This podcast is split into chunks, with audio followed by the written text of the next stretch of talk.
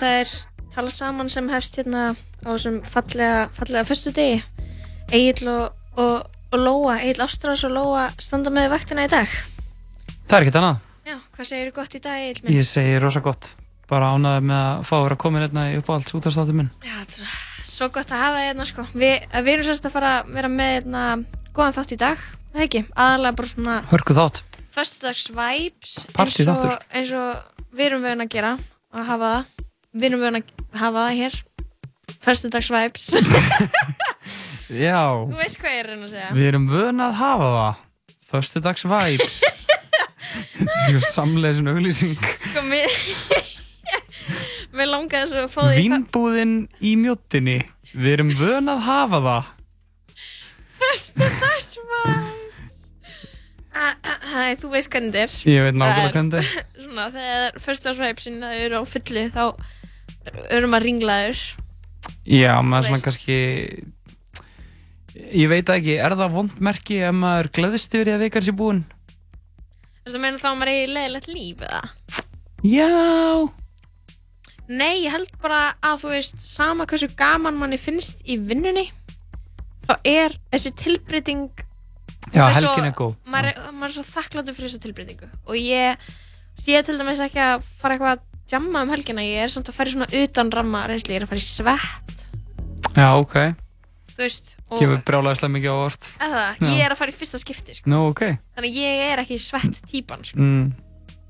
Ég er bara eitthvað starfana mitt á milli, skilur ekki nóg mikið hippi til að fara í svett. Hvað fleiri er á prjónum?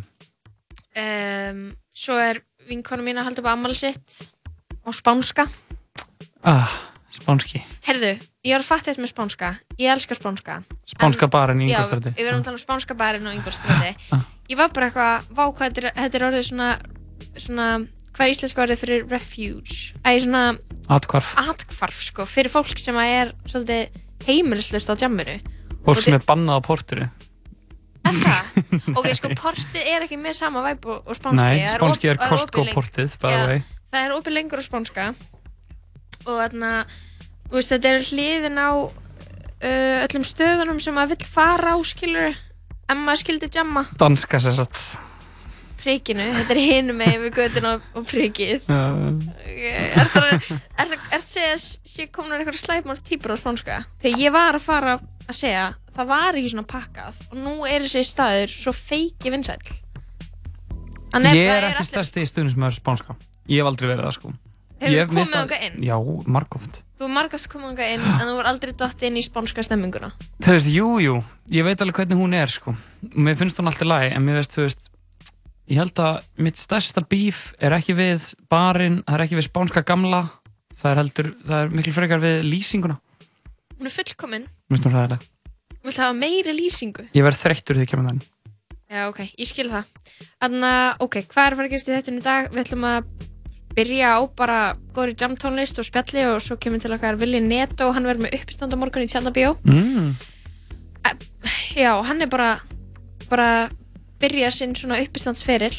Búin að vera með tvö, uh, að minnstu kosti tvö önnur áður. Skemmtilegt. Og hann verður með Stefáni Ingvari, við verðum í Tjarnabíó. Heitir, uppstand heitir Endurmöntun. ætlum að spjalla við hann.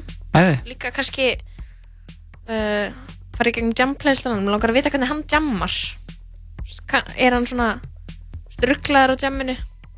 Eða svona chillaður lengi skilur mér langar bara að spyrja hún til endurmentun Mamma var að pæla fyrir endurmentun endur mentun í háskólanum? Já, þú veist þetta er ekki það Egill. nei, þetta hefur ekkert með það að gera. Nei þetta hefur ekkert með það að Ég gera. það er bara Nei.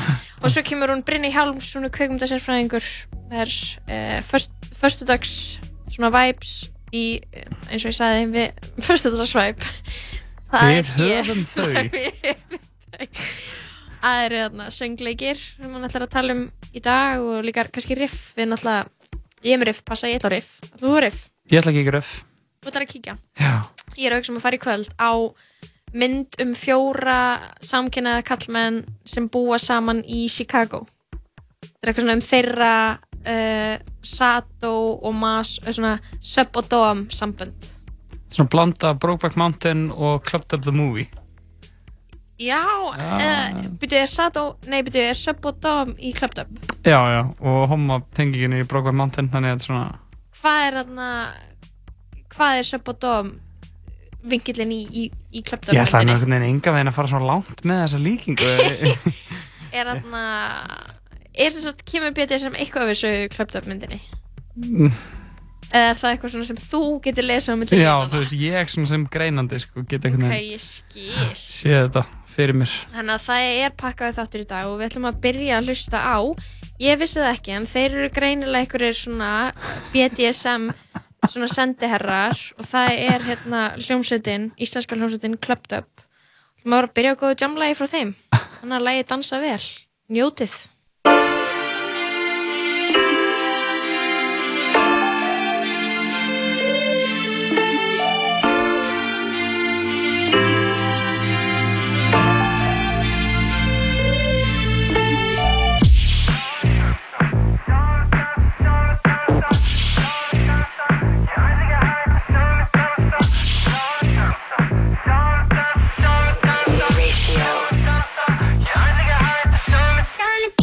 er að dansa vel, svo er taki eftir mér. Ég er að dansa vel, svo er taki eftir mér. Ég er að dansa vel, svo er taki eftir mér. Ég er að dansa vel, hver vil koma og dansa með? Það kunna reyfa sig, vona einhver vilji mig. Það kunna reyfa sig, vona einhver vilji mig. Það kunna reyfa sig, vona einhver vilji mig. Það kunna reyfa sig, vona einhver vilji mig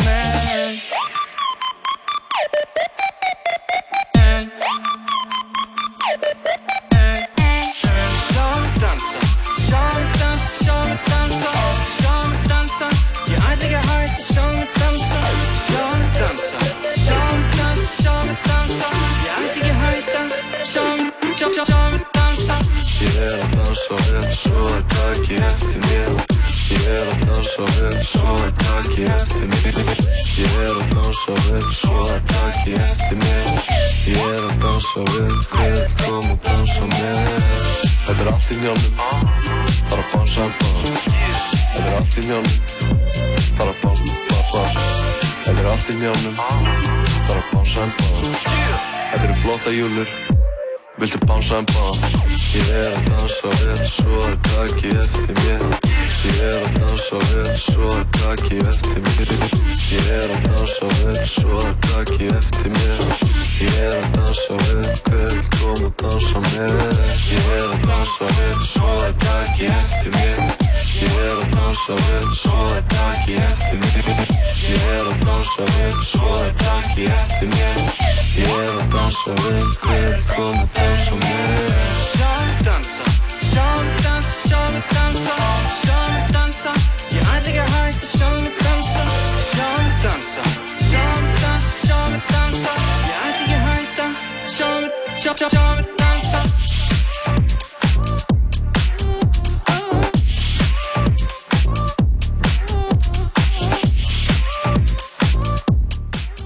Já, þannig erum við lagi dansa vel með hljómsveitinni Clubbed Up. Góð tónlist. Tónlist var það. Já, þeir eru að hlusta að tala saman. Við erum að halda áfram að tala saman.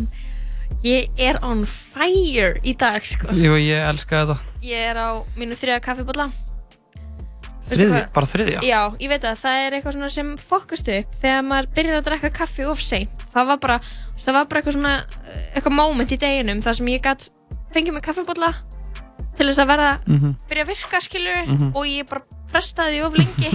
Og nú er þessi dagur bara hann er bara búin að renna mér um greipum skilur ég er bara ekki að fara að skil, það. Skil svona var ég áðan, já við höfum það fyrstudags vibes. Við höfum það. Það Herri. var eins og hún kom inn á aðan Egil og Lóa í síðast eftir um tala saman og ég er með eitt mál. Eitt mál á dagskrá. Um, Ég er hérna á samfélagsmiðlunum Twitter. Já, og uh, Elín Lára Reynistóttir mitt uh, Körðukrantlegs uh, kona og, og fjölmjölamæður íþjóðtablaðamæður Já. uh, er hérna með tweet hún er, hún er í háskólanum Mm. og hún setur hérna nice try then Siðlausara verður að varla en að stela sektinni af öðrum bíl til að feika það að vera sjálfur komin með sekt í vonum að fá ekki sekt í raun. Bara ha? Og svo setur hún hérna myndband þar sem að hún er að taka sekt af landkrúser Mhm. og setja hann yfir á mér sýnist þetta að vera Mitsubishi sem hún er að kera ok, um, og ég bara spyr er þetta ekki bara fucking king move? Jú, eða skilur hún mun ekki geta fengið sagt hvort þið er áður aftur, menn ég.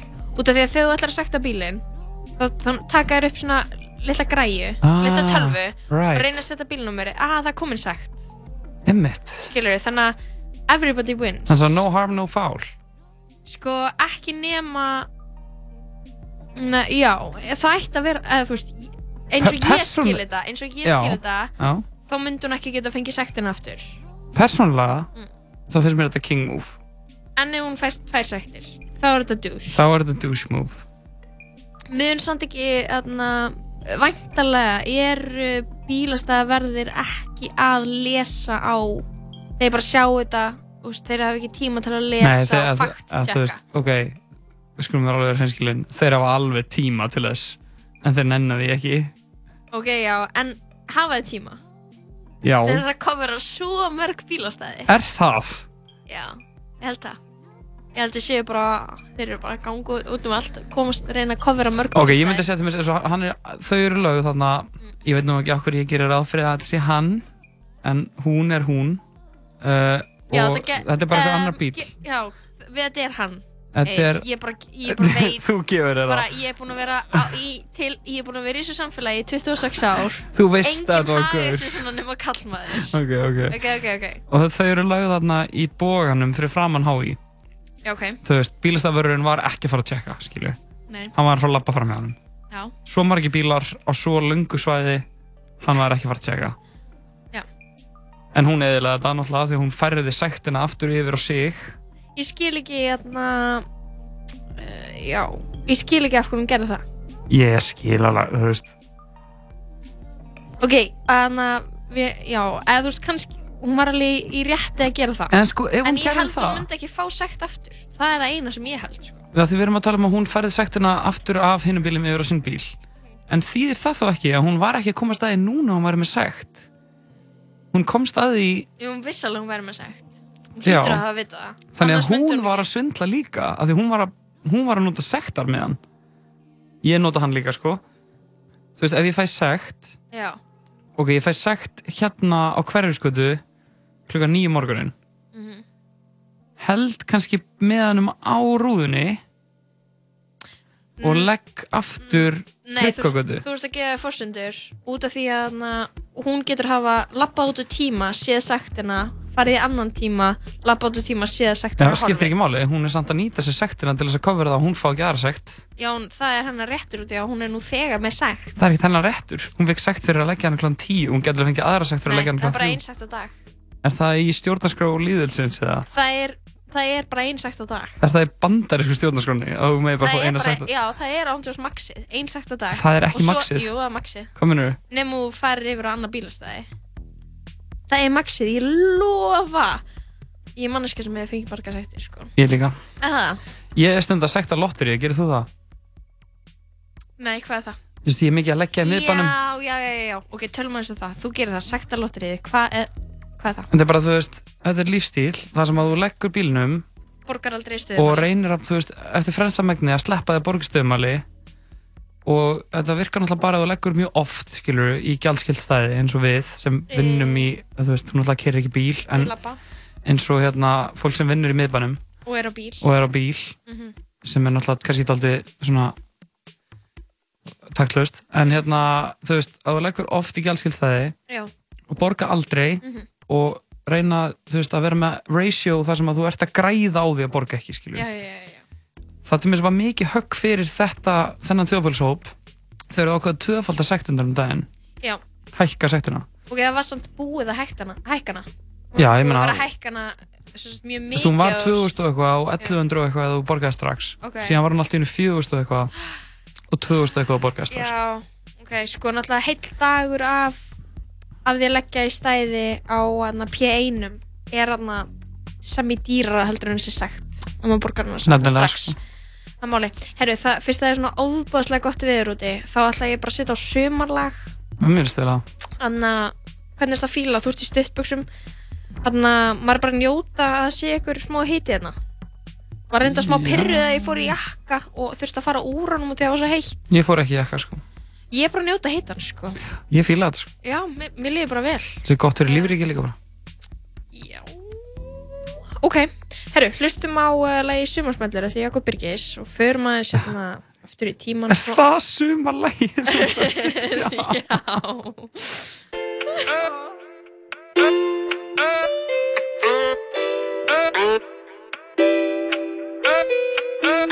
Rúla sem king Til móts við þetta sumar. Þú veist á hverju ég luma.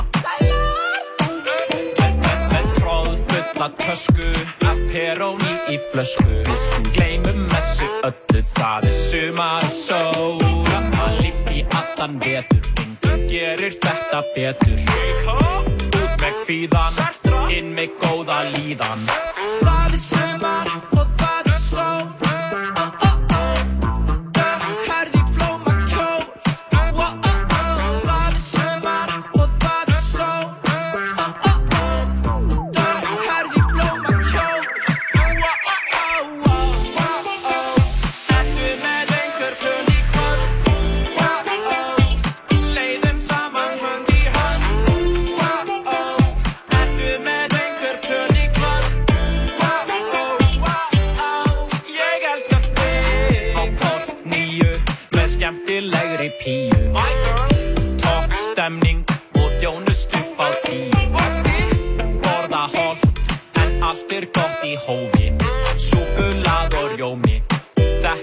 Sumarjómi Vara kom úr sundi Jættur í lundi. Það er bara einn regla Regla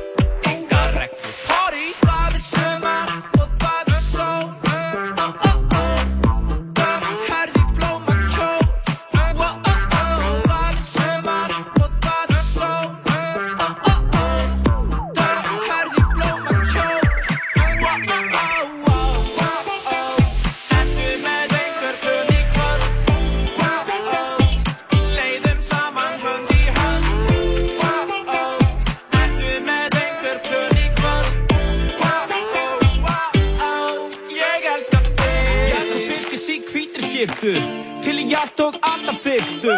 Gema alltaf þakka til að kemur myrkur Nefna núna ég er í sumarbyrtu. Hún vildi fara í ljós Ég sagði no. Það er sumar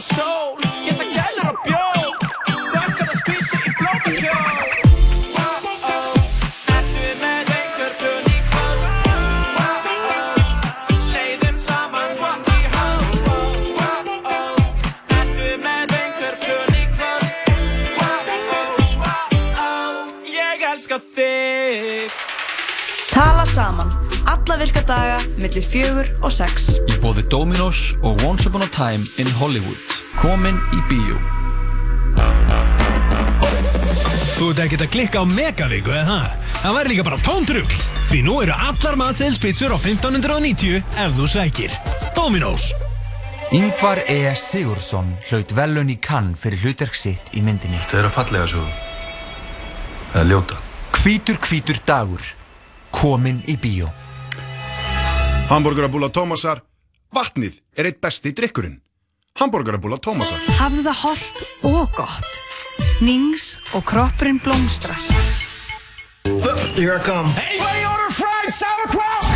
Níunda kvikmynd Quentin Tarantino Leonardo DiCaprio I'm Rick Dalton. Brad Pitt Here comes trouble. Charlie's gonna dig you. Once Upon a Time in Hollywood Komin í bíó Útvarp 101.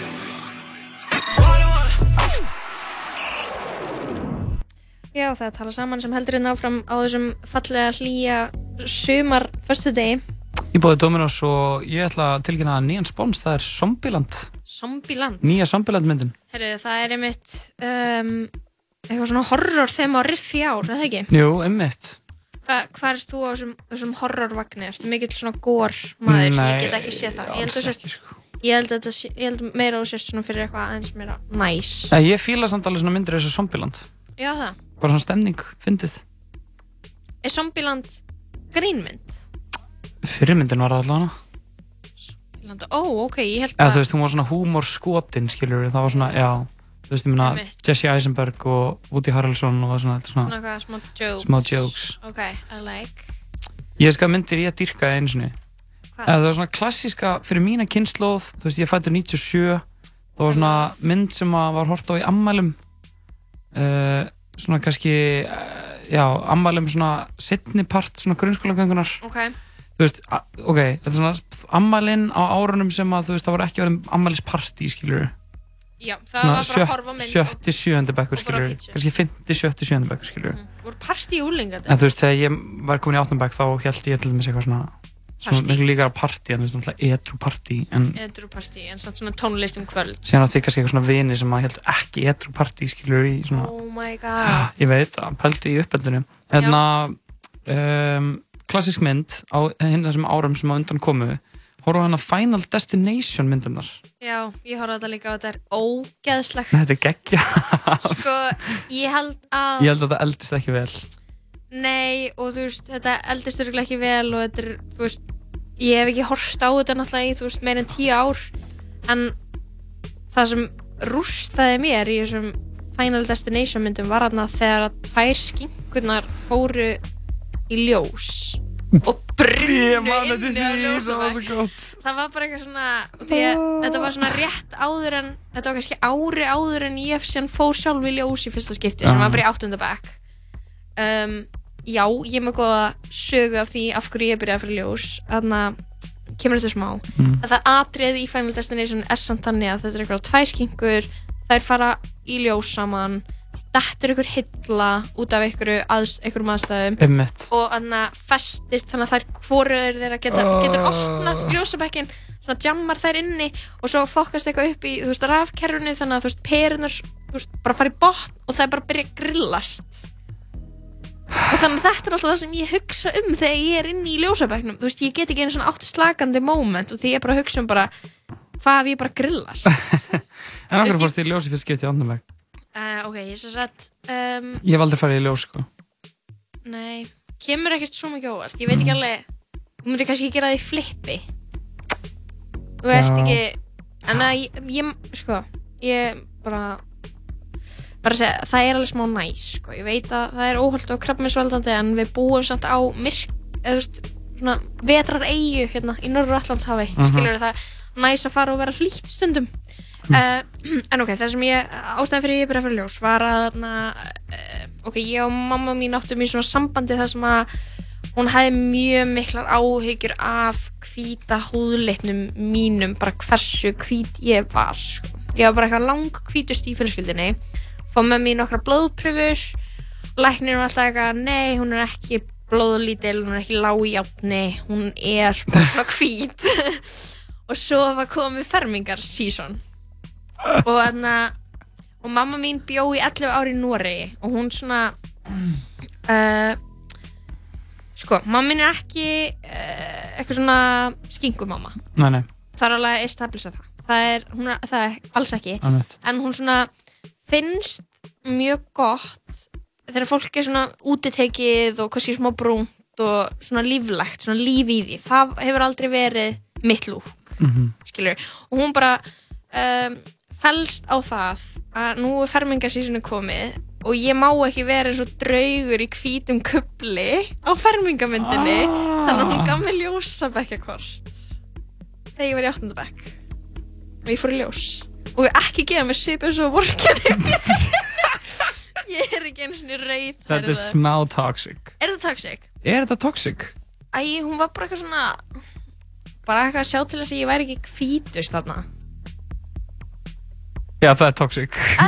Já, það er en þú veist, ég er ekki að segja það við endilega. Nei. þú veist, augljóslega þá var það, það, það, þú veist, það rættist alveg úr þér skilur en þetta er svona toxic. Mm, Já, það var samt Æ, það var samt eitthvað svo Það var- basic, já, það skilur var Þetta bara, þú veist, ég átti bara að fara og stutt, skilur, og bara fá smá lit. Mm, mm, mm. Ég var bara svo hvít, Egill. ég hef alltaf verið mjög hvítur. Þú er samt brúnni heldur en ég, skilur Þú, Já, þú segist þér hvítur og ég bara sé bara ég er líka bara útitekinn eftir gott sumar. Já, ég, ég fór, þú veist, fimm sunn til útlanda á þessu ári, skilur Ég bara, ég var Þú veist, ég var, ég var tvær vikur á Sikilei, skilur Ég er samt bara hvít Hvít eins og tunglið, sko svona er þetta bara uh, ég er að spá ég að setja á, uh, á jamlag Já, eitt almennilegt. uh, mér langar að kannski bara hoppa hans eftir í tíman Anna, segð mér, hvað voruð að spila í þessu svona úlinga edru áttundabækja partíu? Á ég segja nákvæmlega hvað lag vorum Já, að spila. já. Við vorum að spila lagi Like a G6 með Já. Far East Movement. Já, ætlum Besta lag í heimi. Þetta er bara smá ómas til, þess að tímabils Popping bottles in the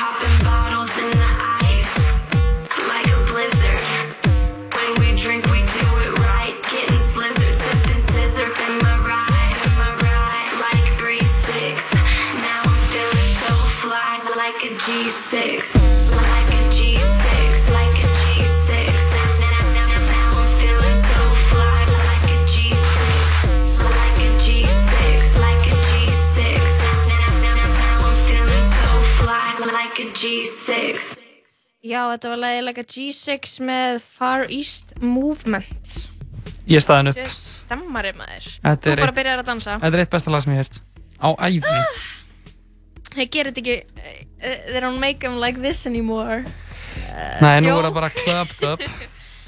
Já maður, clubbed up Þarna, býtti samkljómsveitin clubbed up Mhm. Heldur að þeir fari í Eurovision næsta ári Ég er stórið það. Gæti gæst Þú veist að það gerist á hverju árið að maður fer svona að sjá e-mailina sem fara að fljúa. Svona, Ok.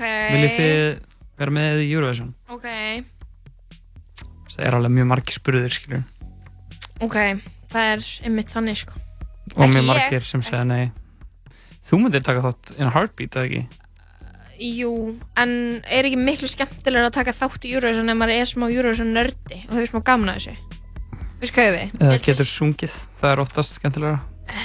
Já, skemmtilega. það er eitthvað betra. að vera söngkona, Já, jú, já. jú, jú, jú, jú.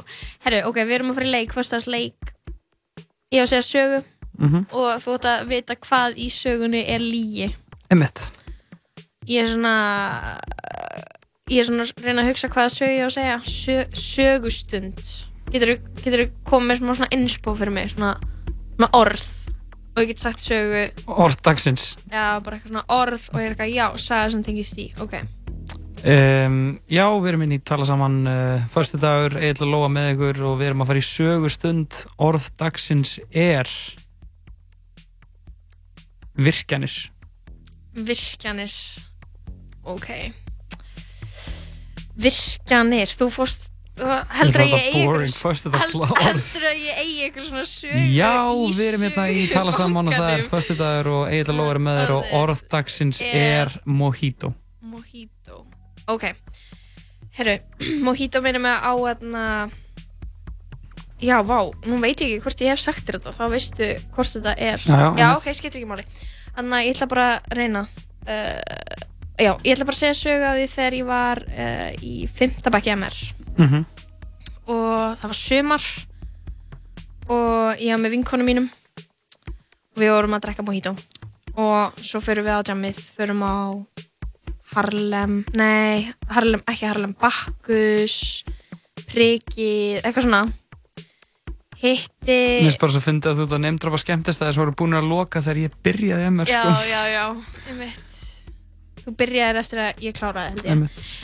Ok, og þarna kynnist gaur þarna. Fyrir heim saman. Og uh, svo liði tíminn og við höldum áfram að fara heim saman. Og um, allt í góðu. En svo þarna, eitt kvöldi þá er ég uh, að gista heim í honum og hann ekki. Hann uh, kemur sent heim og, og svona leggst upp í rúm og ég er þarna sofandi bara. Hann leggst upp í rúm og hann sopnar og svo vakna ég við að hann svona grípur í mig og þarna uh, byrja bara að æla yfir mig alla. Og ég þarna reyna að stöðva þetta. Ég bara get ekki gert þetta því að hann einhvern veginn heldur mig niður og er að æla yfir mig alla. Og það bara kemur alltaf meiri og meiri æla yfir mig. Og ég er svona inn, innst í rúminu bara uppi veggin þannig ég get ekki einhvern veginn svona hopp æ, fært mig, ég myndi þurfa að hoppa yfir hann en hann einhvern veginn svona liggur svona hálfur ón á mér og er að æla og æla og æla og æla og hann að um, svo bara stend ég upp og uh, fer í styrstuna og þrýfa mér alla æluna. Þetta er það sem gerist þegar maður fer í beer pong by the way þetta er eitthvað svona beer pong æla. Sko, ég veit að þetta er satt. Nei byrju, ég er ekki búin að klára söguna. Ok. Og þarna og svo fer ég í styrstu og uh, næ í dótið mitt og ringi mömmu mína og beða hann um að sækja mig á fer Og talar aldrei við hann aftur Já, hvað, hvað í þessari sögu er ekki satt? uh, Er eitthvað í þessu sem er ekki satt sérst? Já, Ok, af því ég veit að þetta er satt Þú veist, grunnurinn að sögunni er þú har sannur heyrt mig segja Ég hef heyrt, áður, ég hef heyrt þetta bara gaur svona ældi á stuttu mig. útgáðana já, Já, já, já. Mhm. Ég myndi halda að það væri bara ósatt að mamma þinn hafi sótt Ég held að það bara Ég veit ekki skipt um lag eða eitthvað Hvað minnur, hvað er ósatt? Já, bara hvað er þarna ekki fakt í sögunni? Að mamma hefði sótt mig. Nei, Já, eða hann hafi haldið þér á meðan hann ældi á þig Það er satt. Það er satt Já. Hann var bara, þú veist, örgulega, hjælt að ég veri closet. Ah. ég var bara... Þetta er svona mín þetta sökka. Ég get bara sagt þess að sögu út af því að það eru átta ár síðan þetta gerðist. Og hvað, hvað er ekki satt? Ég fór ekki. Nei, það er sem ég held Já, ég var bara áfram. Ég sagði það Það hefur verið svo eðlilegt að ringja í móðu sína Hvað og meinar fara. Nei Jú, Þetta er bara eitthvað sem gerist nei. þetta er ekki eitthvað sem gerist þetta á ekki að gerast ef þú ert að æla á manneskjur þá er eitthvað að og ef þú leifir ykkur um að æla yfir þig og ferð ekki þá ertu ekki með sjálfsmyrðingu Nei, einmitt, en ég, en ég gíska á rétt þarna. Já, það var ekkert ég hefði átt að, ég hefði átt að gera þetta. Þetta er ekki Þetta samanlega er svona dæmi sem að Kim hefði sagt fyrir að taka 100 showers. Hvað segirðu? Mannstu ekki eftir hana 100 sturtu dæmin hana Kim Kardashian? Já, nei, ég man ekki eftir því, sorry. Nei, ok Þekki, þekki, ekki. Ég er náttúrulega uh, ég, held, ég held að það sem er sko verst þannig er ekki er ekki ælan per se? Ó, ég hef einhvern veginn haldið að það væri einmitt verst. Það er líka, það er svona skömmin sko. Það er svona Hvernig sagði hann fyrir geðu? Já, en einhvern veginn ég er ekki hægt að byggast nógu mikið afsökunar á sko. Nei, þetta er alveg bara svona, þú kemur ekki tilbaka eftir þetta sko. Nei, þetta er svona dæmi sem að þetta hefði átt að klárast þarna þetta held áfram í smá stund. Ég skil. Þetta dæmi á fail. Það var ekki í síðasta skipt sem Gaur ældi á mig Ég ætla að uh, Já, einmitt. En það var öðruvísi þá. Það var svona, við vorum að lappa hlið við hlið í Tyrklandi og hann svona snýsi við og ælir og Já, það, er, það er alltaf leið Það er alltaf læg, það Men- var ekki eitthvað svona að halda, halda niður í dæmi sko. Happens the Ég- best of us. Ég, ætla, ég ætla bara að setja á, á lag Svona annað jamlag Veistu hvað þú ættir að, að fá þér?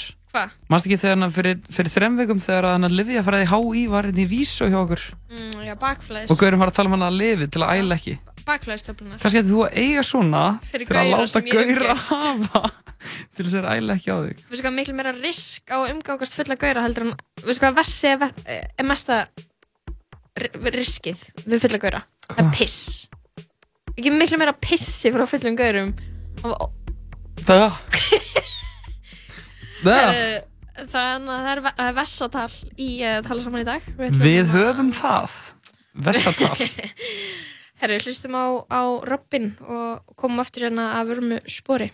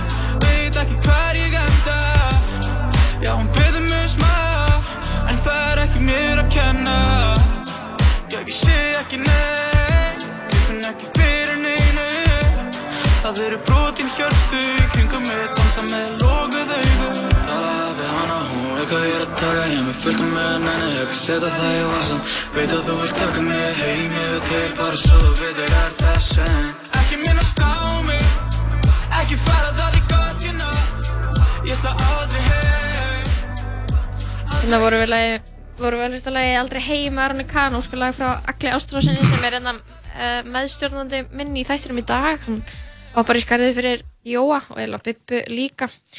Við erum bara hérna í góðu fyrstags uh, party chilli og við erum komið góða gæst til okkar, hann Vila Netto. Hei, Þú sæl Vili, hei, takk. hvað segist? Bara góður sko, Já, bara föstu dag. góður. Það er eitthvað, samt eitthvað að gerast á morgun, eða ekki? Hmm, hvað? Hvað er að gerast á morgun? Djók, þetta er svona, er svona sem við uppistandar að gera, Já. sko. Þetta er aldrei svona grínast, sko, þú kannast við þetta. Já, jú, einmitt. Ég skil ekki. Æ, þetta er brandari, sko. Ég segi alltaf eftir hvert brandara. Hérna, Þetta var brandari. Já, oh my god, ég var með eh, uppstandi í FB um daginn og með leiði svo ég ég þurfti að segja eitthvað svona herri ok, en að þetta var ekki uppstandi mitt ég var bara henni í lettu spjalli út í að þau hlóu ekki ég hefði getið verið með maritafræðslu Fórstu- það voru Hva, hvað var þetta? Hvað var að gerast í FB? það er bara mat það er bara hátegislega Já, ég var beðin um að koma í hátegisli, ég var bara svo hrættur við það. já, svo er bara nei Ég, já, ég er bara hrættur stundum við fólk í hátegispásu. Já, veginn, Ég held auðvitað- að það sé engin í gýr til þess að hlæja í hátegi, eða svona, ég veit það ekki. Nei. Versta kráti í heimi, sko. já, en ég bara, þú veist respekt á þau, skilur og alla algjörlega. FB-inga, skilur þetta er ekkert, þau þau eru ekki þau eru ekkert eitthvað sökkuð þótt að hafa ekki hlei, eða veist, hleyjað mér í hátegislíðinu sínu Það var einhvern veginn enginn að gefa það í skinn. Jú, þetta er eitthvað svona worst crowd, eitthvað svona skilur, þetta er bara svona Æ, fattar það mig? Já, já, já, En ég er bara að tala um svona konseptið Aðstæðurnar. hátíðslega, þú veist, ég hef farið til mér með countless Tónlistamenn. tónlistamenn í svona gig Já. og það fer mjög misvel, sko. Já. Mhm. Það er svona, snýst um að vera alltaf til í, til í grínið, sko, þá er þetta að gera þetta bærilegt, sko. Það er alveg samt geggja að þeir hafi verið, veist, að púsa í þetta eða en FB að fá uppistandara, skilur, í, Það er bara, að gera eitthvað, skilur, í Já. skólanum, það er mjög næs. það var gaman. Hvað, getur þú sagt okkur aðeins frá þessu uppstandi sem, þú voru með uppstandi á morgun í Tjætabíu Hvað Yes. hvað er að eiga sér stað? Uh, sem sagt, ég og Stefán Ingvar ætlum að halda uppistandi í Tjarnabíó og svo verður Hákunar að kynna inn á milli með nokkra plantara Mhm. og basically það sko, við verðum reyndum að setja koncept á okkur fyrir uppistandið Mhm. fjalla þá um svona, veist, uppeldi og endurmentun, eða það heitir endurmentun Mhm, mhm, þetta er svona kannski endurmentun fyrir fólk í nútímanum og svona mhm. þú veist, þú sért ekki að mæta og segja einhverja sökka brandara sem eru fyndin fyrir 20 árum og verður síðan móðgæður ef þau eru ekki fyndin núna mhm.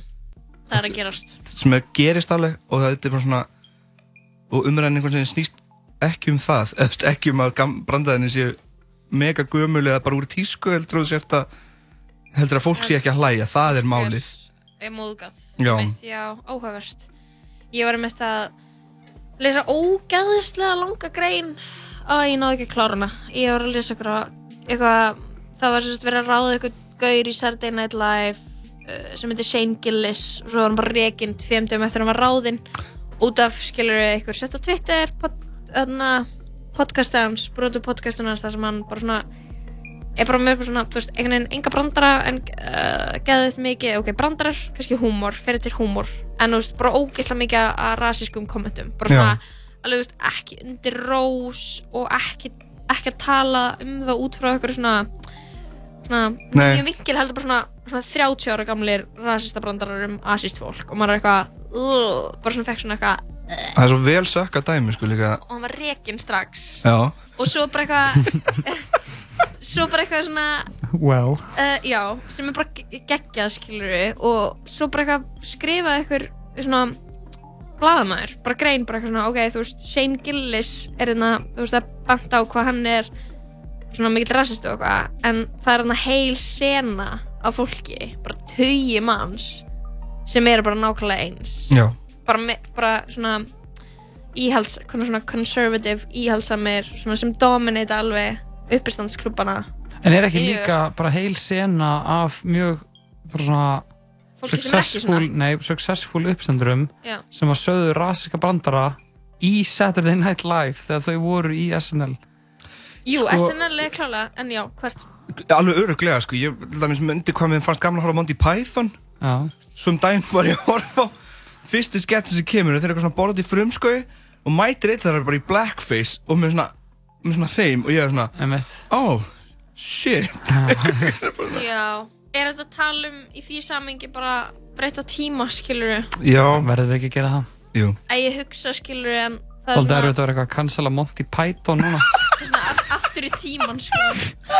Það er Vi- En svo, svo mitt, þú veist Það er svo alltaf að fara að cancela spöggstofunni Það er aldrei hot take sko. Er þetta cancela, spöggstofan er cancelled, sko. Er það?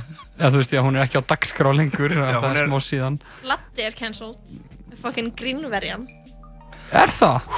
Grínverjum Já, þú veist, ég er auðvitað, þú veist, sangat sem er reglum að ættan að vera cancelled. Já. En er Latti cancelled? Já Já Hann er ekki ótt bókar í FB allavega Nei, Nei. það er svona góð, þessi góðu gig sem hann fyrir á misvið Hann sko. fær þau ekki Hann lengur. fær bara eitthvað svona rusl, rusl atvinnum tilbúð Hann fær bara eitthvað svona 50 uppsetta síningar í röðu í Já, en ekkert FB gig, það er svona engin í FB sem byrjum latta Nei, ég skil, ég skil Not anymore Herru, þannig að Vili, þú ert samt uh, með hérna í leiðinum jam playlistin Já. Hvað líka?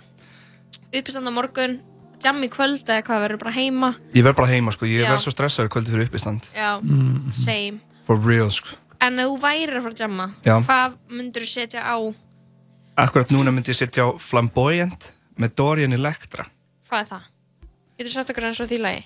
um, Þetta er uh, lag með tónlistarmanniskunni uh, Dorian Electra. Ok, og þau eru mjög frumleg og ný tónlistarsinn partur af svona PC tónlistarkúlturnum Mhm. og um, þau hafa verið að gefa út mjög góða plötu nýlega eða mjög góða tónlist nýlega meina ég. Mhm. og ég held ég spili eða, ég held ég byggði eitthvað um Dorian og, og líka Slater kannski. Mhm. og svo Rina Sawayama. Þannig að þessi þetta fólk. Þetta fólk sko. Hlustum á þetta. Jam tónlistina sem vilja nýta á. LA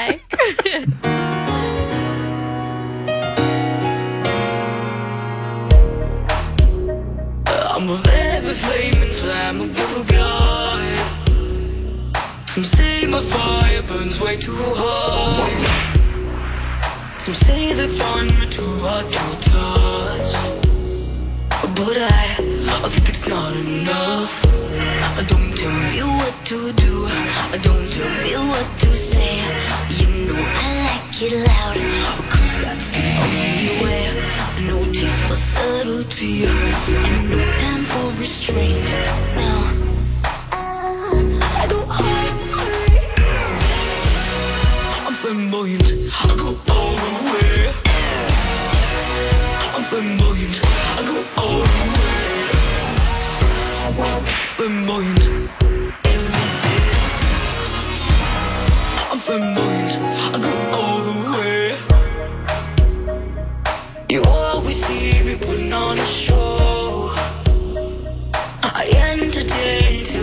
You know I like to put it on display. I like to work and I like to play. I've always been this way since I was young. I like to steal the show from you for fun. I do it big and take up lots of space. You know I like to get up in your face. Don't tell me what to do. Don't tell me what to say. You know I like it loud.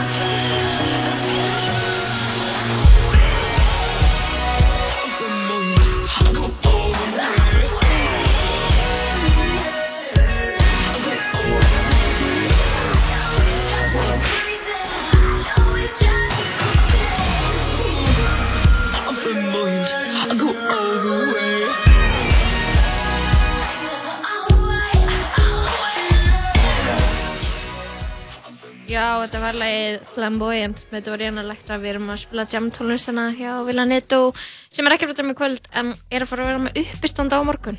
Mhm. Klukkan átta í Tjarnabíó. Kvíðin fyrir því og svona. Það er bara stemmari. Það er stemmari. Verður, þú- já, þú verður, ég verður alltaf mega stressaður bara Ég var líka mista það. fyrir uppistand og meðan uppistandinu stendur, ég verður þótt sé að hlæja, þá fólk sé að hlæja, þá er ég bara svona, Já, þetta er bara svona ra ra rað líða illa. Þetta er bara, ég það er skil ekki, já, mér líður illa eftir uppistand líka, sko. Ég bara, mér, eða þú veist, já, nei, ég skil þig. þetta er leðilegt, sko. Þetta er ekkert- er gaman, fólk er hlæja manni en þetta er ekki gaman. Þetta er svona eins og, Af hverju gerir fólk þetta? ég veit það Af ekki, hverju ert þú að þessu? af hverju þú að þessu? Ég vil hætta. Ég vil komast út. Ég er alltaf að leita að útgönguleið, sko. Og uppistandi. Já. Valla byrjuð, en samt svona. Ok. Þetta er, þetta er kjánalega erfitt, sko, ég er búinn að vera í leikaranám núna í, í þrjú Já, ár, já. ég er búinn að leika í fullt Mhm. og það, ég ger ekkert sem er jafn erfitt og að vera með uppistand. Mhm. bara no way, ekkert svona listan sem ég gerir er jafn erfitt að vera með uppistand ég gæti verið sko í, í, í tökum á, þú veist indie stuttmynd í, í nærbuksunum hérna út í tjötnina í hátegispásu MR og Kvenno Já, þau myndi já. ekki líða jafn illa og ég væri að, Nei, þú veist eh, ég væri að Fokkin upp á Vera með sviði uppistand. Nei, ég veit, ég veit það, þetta er verst. Þetta er klálega verst. Ég hef aldrei prófað þetta. þetta er líka sko Nei. constant feedback þú, Mm. ef enginn FB. nema ég Veitu hvað versta sem hefur komið fyrir mig á sviði? Hvað? Uh, ég Hefur var... þú verið á sviði? Já, svona, þú veist, Alright. ekki sem svona, þú veist, ég, veist, ég meni, ég tók þátt í skrekksatriðinu í hagaskóla, skilur en þá var ég, þú veist, þá var ég performing Money á sviði. moves, ok. En, en, na, uh, þá var ég með þess að dansa á sviði. En, Oh. hérna, þegar að uh, ég var einu svona að kynna, ég var í MR, ég var Mm. að kynna verðlaun á söngkeppni Ok. og uh, ég var busi Já. og ég var að lesa bellun og þú veist, mjög stressandi allt saman svona reynsla sko Já. og ég er að, þú veist, ég er mjög skjálfhendur að eðlisfari Ég hata fólk sem er skjálfenda heldur á blaði og hristist. það er nákvæmlega það skilur við, takk fyrir að segja að þú hatir þannig fólk af því að það fólk er ég og hérna ég er sérst að lesa upp uh, á einhverju blaði og ég er eitthvað uh, eitthvað að lesa og eitthvað svona semi-skjálfhendur Já. eitthvað. Og sem fatt að ég að ég er búin að vera að lesa vinningana fyrir sætið sem var verið að lesa vinningana fyrir. Þú veist það endur Þú veist, ég var basically að segja sama aftur. Ok. og ég bara eitthvað var eitthvað, þú veist, playaði það bara eitthvað með bara, hérna, bara fölsku öryggi, bara eitthvað. Þetta voru nú bara vinningarnir sem ég var að lesa eitthvað og fekk svona ágætið svona góður eitthvað, alltaf þú veist, þú getur byrjað að lesa aftur en ég er skjálfendur, skilur ég var ekki að fá tauga en ég er bara skjálfendur og Gunnar Helgason Gunni Helga. Gunni Helga. Gunnar Felix Gunni. Já, hann. Er af einhverjum ástæðum dómari í söngkenninni þú veist sem er fyrsta lagi ég, ég svona, er hann hæfur í það skilur, á á hann er ekki all, allana uh, hef tekið Gunnar Helga í sátt síðar af því að veist, hann er með veiði þáttinn og dýrkan. En, uh, en, en ég er skjálfendur skilur, ég er veist, bara rólu búinn að taka bara minn bara svona afsökunardjók og er að fara að lesa aftur þá kemur hann með eitthvað atriði sem snýst um að halda í blaðið fyrir mig af því ég sé svo skjálfendur Nei! Af hverju myndir ég gera það? Damn, og þá fekk ég tögafall skilur þá er ég á sviði í Östubæ Gunni Helga heldur á blaðinu sem ég er að lesa af og ég bara, ég las þetta svo hratt og svo er ég bara eitthvað Þetta er að verð sem er komið fyrir mig á sviði. Gunni. Takk fyrir Þú mig. hefur bara ekki farið á svið síðan. Semmi Ég hef svona reynd að halda mig frá því Af, sko. af, af, Ég er svona, sviðinu. ég er svona sviðs, sviðs hægri sko, frekar. Það er gott að maður er ekki með blaði í uppistandi annars væri maður að hrista blaðið af Já. stressi. Ég er með blaði sko, en það, það sko Er á borði er á borði Ég held ekki á það sko, en það sést nei, mitt Ég er þarna fucking hata sko allt sem, allt sem er inn á sviðinu sem maður getur einhvern veginn snert eða gert eitthvað við eða eitthvað skilur Mm. er alltaf svona, líður mér alltaf eins og maður sé að gefa vísbendingum um að sé stressaður eins og þegar maður tekur upp mækin, dundrar hann í andlitið skilur, Já. tekur hann úr mækstandinum og svona kabúm Já. og maður er bara, eða þú veist, það er svona ég væri bara til í að vera með svona flugumæk svona, svona Oj. brittni mæk sem hún límir hérna bara svona á kinnina skilur Já, já. Sko, bara svo já. ég geti bara haft þú veist, alveg Þetta, frálsar hendur. Það er gott að segja Britney Mike út af annars, eða veist Flugumæk Britney er Mike, Britney Mike hjálpar sko, en þetta er svona Já, já, svona leikhúsmæk Já. Ég ætla að vera að tala um svona, þú veist, TED Talk. Nei, nei, nei, Sjálfshjálpargæja Mike. húðlitaðan Já, já. flugumæk Já. Það er ógæslega að finna að gera uppistand þannig. Hafið sé, Hefur þið séð uppistand með? já, Rebecca gerði eins og niður út því að hún var að gera köku á meðan. Já ok, hvað er næsta lag á jumplaylistaninu Er það er Boogie með Brockhampton? Boogie. Boogie. Peter Brockhampton? Já. Voru þeir ekki cancelled? Nei, Með, einn meðlumur í Brockhampton var cancelled og rekin úr hljómsveitinni.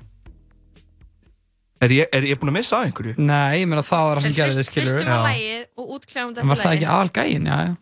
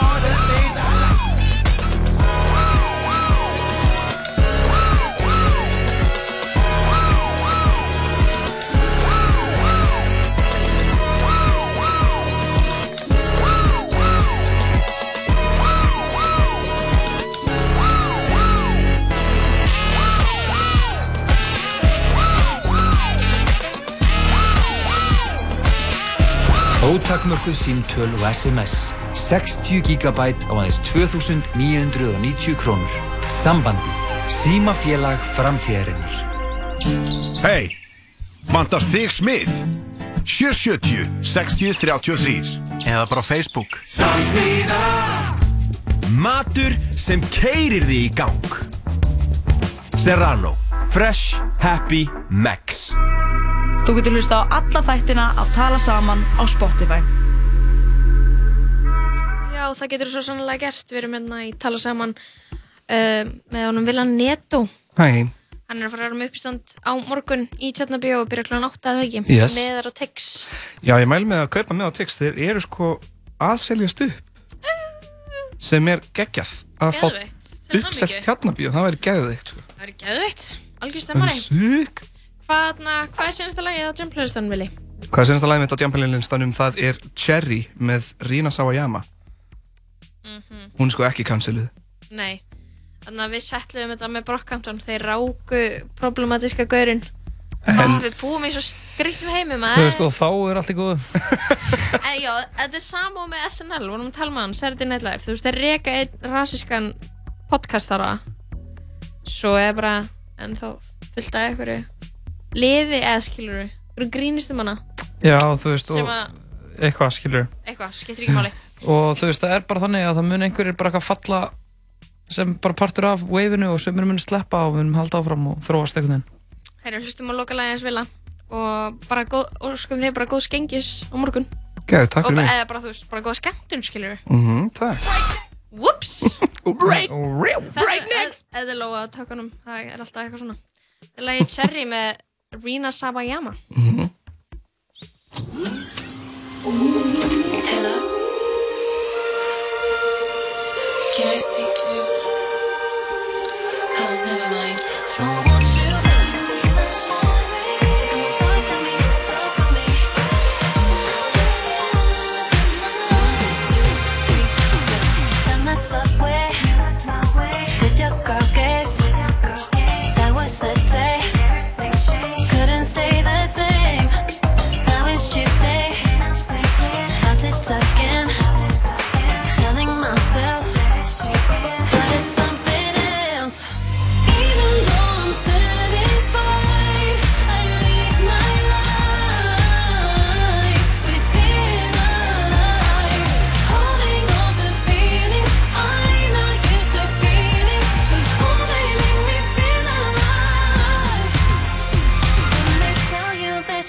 to stay the same, even though you're not yourself and you've got somebody else. When they tell you that you've got yourself to blame, even though it's not your fault, but your heart just wants to know.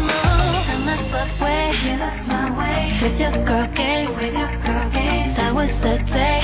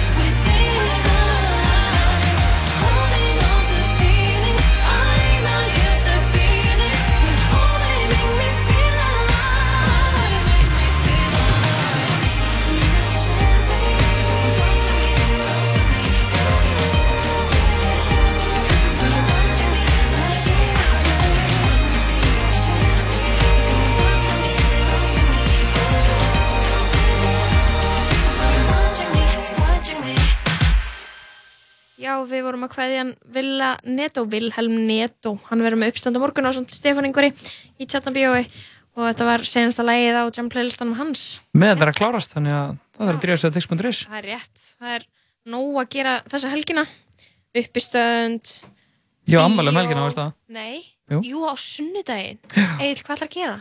Ég veit ekki.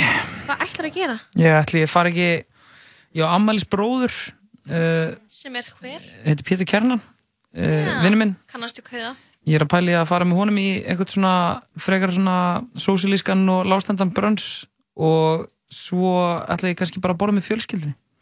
I like Um kvöldið? Sunnudagur og þannig vibes Herru, við ætlum að hlusta á eitt uh, lag og svo verður hún Brynja Hjálmsdóttir með okkur hérna eftir lagið Robert. og við erum að fara að tala um kvikmyndir eftir öskama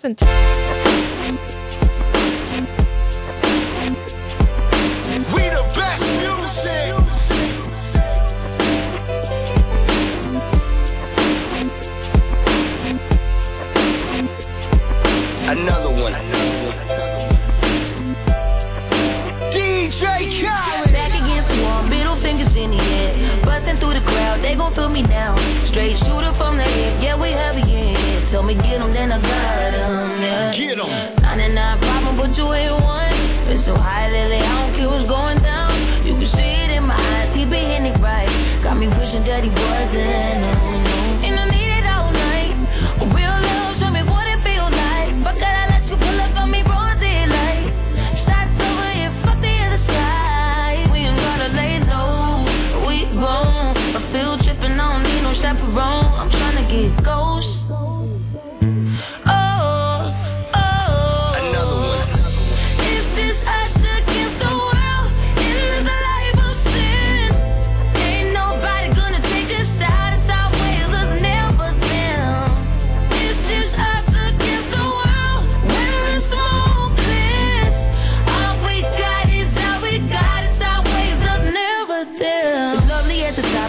Destination. Sipping on the rocks, only we with us. It's kinda love dangerous when it's nothing else to lose. So don't make me wild out. Let's ride. Got 99 problem with one more. 50 feet, get your touch at your front door. Leaving fast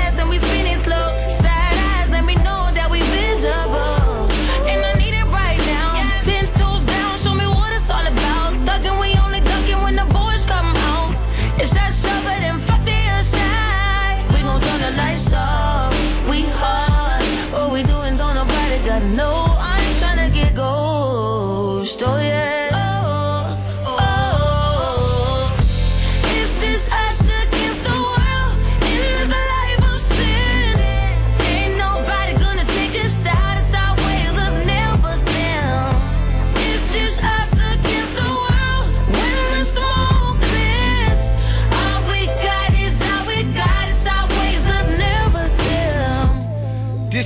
Ain't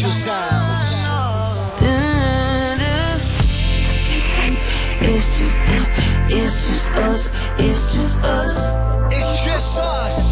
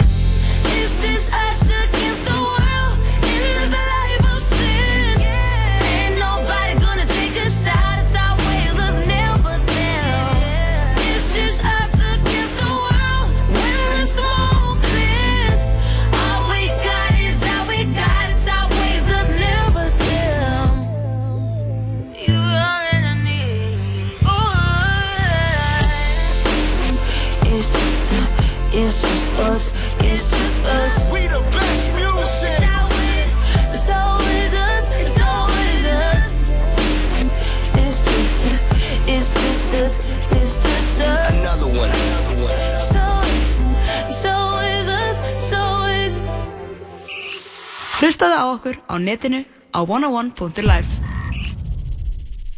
Já, þannig að hér er við lagi Just Us með Nissis og DJ Khaled. Við erum komið með góðan gest til okkar í hljóðverið þar hún Brynja Hálsdóttir Halló. Hæ. Hvað segir þú gott í dag, Brynja? Ég segi bara fínt í dag. Það er svolítið fallegu dagur. Já, geggjaðu dagur. Mhm. og riff hófst í gær. Já. Og hvað er svona hvernig er þín, þinn fílingu fyrir riff í ár? Hann er bara mjög góður sko. Svona eins og ég vil alltaf sko Ég er mikill, þetta er mikill svona Mikill jól hjá mér sko. Já, kvikmyndafræðingur Já, já, fer mikið í bíó. Og ég er svona Þetta er svona einmitt Það er svo spennandi, það er svo margar spennandi myndir sko. Og maður verður einhvern veginn svona Að reyna að sjá sem flest. Svona, þú veist að að Sko ég byrjaði að fara á riff Þegar ég var Það var árið 2007 2006 eða 7 held ég Mhm. Svo 14 Og það ára. aðeins smerri í sniðum Já, eða það var nú aðeins smærri en var samt alltaf verið alveg stór hátíð eða þú veist, það voru alveg stóri gestir þú veist, og þegar ég held að mitt fyrsta árið sem ég fór annarkost 2006 þá var sko gesturinn, aðalgesturinn Aki Kárismaki sem var, er finnsku leiksturi og bara minn uppáhaldsleiksturi og þá sá ég myndir einmitt eftir hann í fyrsta sinn. Kynntist honum. Kynntist honum og ég kefti sko fyrstu tvö árin kannski einmitt var náttúrulega bara eitthvað í úlingadeild og eitthvað en fór með ástriði vinkonum minni og við vorum svona arti típur sko og hérna fengum mikið kikk út af því að vera svona að fara á kvikmyndaháttið Mhm. og hérna keftum okkur svona klippikort saman fórum á fjóra myndir eða eitthvað svo og síðan svona eftir það hérna, einmitt, þegar ég byrja í mentarskóla þá kefti ég alltaf passa og þá verður þetta svona smá svona keppni að þú veist, fara á bara að reyna bara að fara á allar myndirnar. Bara 30-40 myndir, þú veist, eitthvað svona bara nokkur á dag. Já, bara nokkur á dag, veist, helst þrjár á dag. Lappa sal, út úr salnum inn í annan sal Já. Í rauninni bara. Já, to algjörlega back, sko. Eða einmitt eitthvað svona, að því að þá sko líka alveg tímbili var náttúrulega í nokkru bíóum, það var kannski verið að sína myndir í, í tjarnabíó, í hérna regnbónum eða bíópartís Mhm. og síðan í háskóla bíó og svo var maður eitthvað svona hlaupa á að ná einhverju og hérna og alltaf að reyna að ná eitthvað svona sýningin þar sem leikstjórn var viðstattur og svona, þetta er svona Q&A. heilmikil svona bara, maður er bara ekki Excel-skjál sko til þess að hafa yfir sín eitthvað svona yfir hvað er, hvað er svona bestu sýningarnar á hverri mynd og eitthvað svona Mhm. Ég er svolítið mikið að vinna með bara uh, þegar ég fyrir riff er bara svona ég skoða bara svona smá og ef það grípur mig þá fer ég og bara svona vinnan að, að, að, að setja einhverja meiri rannsóknar vinnu í Mhm. það heldur en það er smá það getur verið smá tímafrækt það er náttúrulega tímafrekt. Það er líka svona sko ég er alltaf einn mjög góðu vinnu minn sem er mikið svona riff félagi svo eiginlega svona einmitt og margir mínum gó, góðu vinum í raun og veru kynnist ég mjög mikið í gegnum kvikmyndaháttíðina eða svona, veistu, kannski þekktumst en svo, svo kynnist maður betur sko. Og maður er alltaf að fara í bíó og svona, það er svona social element í þessu líka sko. Einmitt. en ég, hann fór alltaf mjög svona skýrmerkilega í gegnum bæklingin og alveg bara svona leitaði eiginlega hverju einustu mynd á netinu til þess að reyna að koma staði hvað eru bestu myndirnar. Mhm. en það er stundum svolítið erfitt að því það er svo oft myndirnar sem eru síndar að riff eru oft svo svakala nýjar. Já, að það er ekkert komið endilega einu svona Nei, mikið efni þú veist um um eitthvað svona eitthvað, eitthvað stjörnugjafir og eitthvað svona, það er ekkert alltaf eitthvað komið Nei, svo líka bara ferðu, fer maður í þessar uh, á þessar indie myndir Mhm. nýju myndir og þú veist fólk er bara ekkert með sama smekk Nei. þú veist, þú fer bara inn og elskar 100% og bara einhver annar þarf að fara Mhm. að hún, þú veist, maður er bara með mismunandi smekk á kvikmyndum Já. skilur, því, en ok, ég er að spá í með riff, ertu með eitthvað plan í kvöld að sjá einhverja mynda Herri, já, ég er að fara í kvöld á ætla ég að fara á hana End of Sentence sem er hana eftir íslenska leikstjóra Mhm. uh, sem var opnun á myndin, ég komst bara ekki á frumsýninguna gær og frumsýningi gær og nú sýndi aftur núna. Svo ætla ég að fara á myndina eina Little Joe. Little Joe. Já, hann er mitt stjórnar hérna þætti á Joe Nei, hérna, það er einhver mynd, er einhver austurísk mynd um uh, konu sem að vinnur á okkur svona í gróðurhúsi Já. og ræktar einhverja plöntu sem hefur einhver svona uh, yfirnáttúrulega eiginleika. Mhm. lætur uh, fólk vera hamingjusamt eða eitthvað svo leis og svo fer hún heim með plöntuna með sér og þá fara svona undanlega hlutir að gerast. Ég veit eiginlega ekki meir þetta hljóma svolítið svona eins og litla hryllingsbúðin Mhm. eitthvað svona nema ekki svo öngleikur þannig að ég er svona mjög til í þetta sko. En hvað með þarna vita myndina? já, og ég er mjög spennt fyrir henni ég ætla að fara á hana á morgun Hvað er vitamyndin? hún heitir The Lighthouse og hún er uh, eftir hérna Robert Eggers langar með að segja hann heiti Mhm. og hann uh, gerði myndina The Witch sem að með tveimur vöffum sem að var mjög flott mynd Já. og svona mikil svona indie hittari fyrir hvað, tveimur, þreimur árum eitthvað sko. og hún er með, Hún var ógísleg. já, hún var nasti sko. Þannig að það er þarna eitthvað horror þema í ár, er það ekki?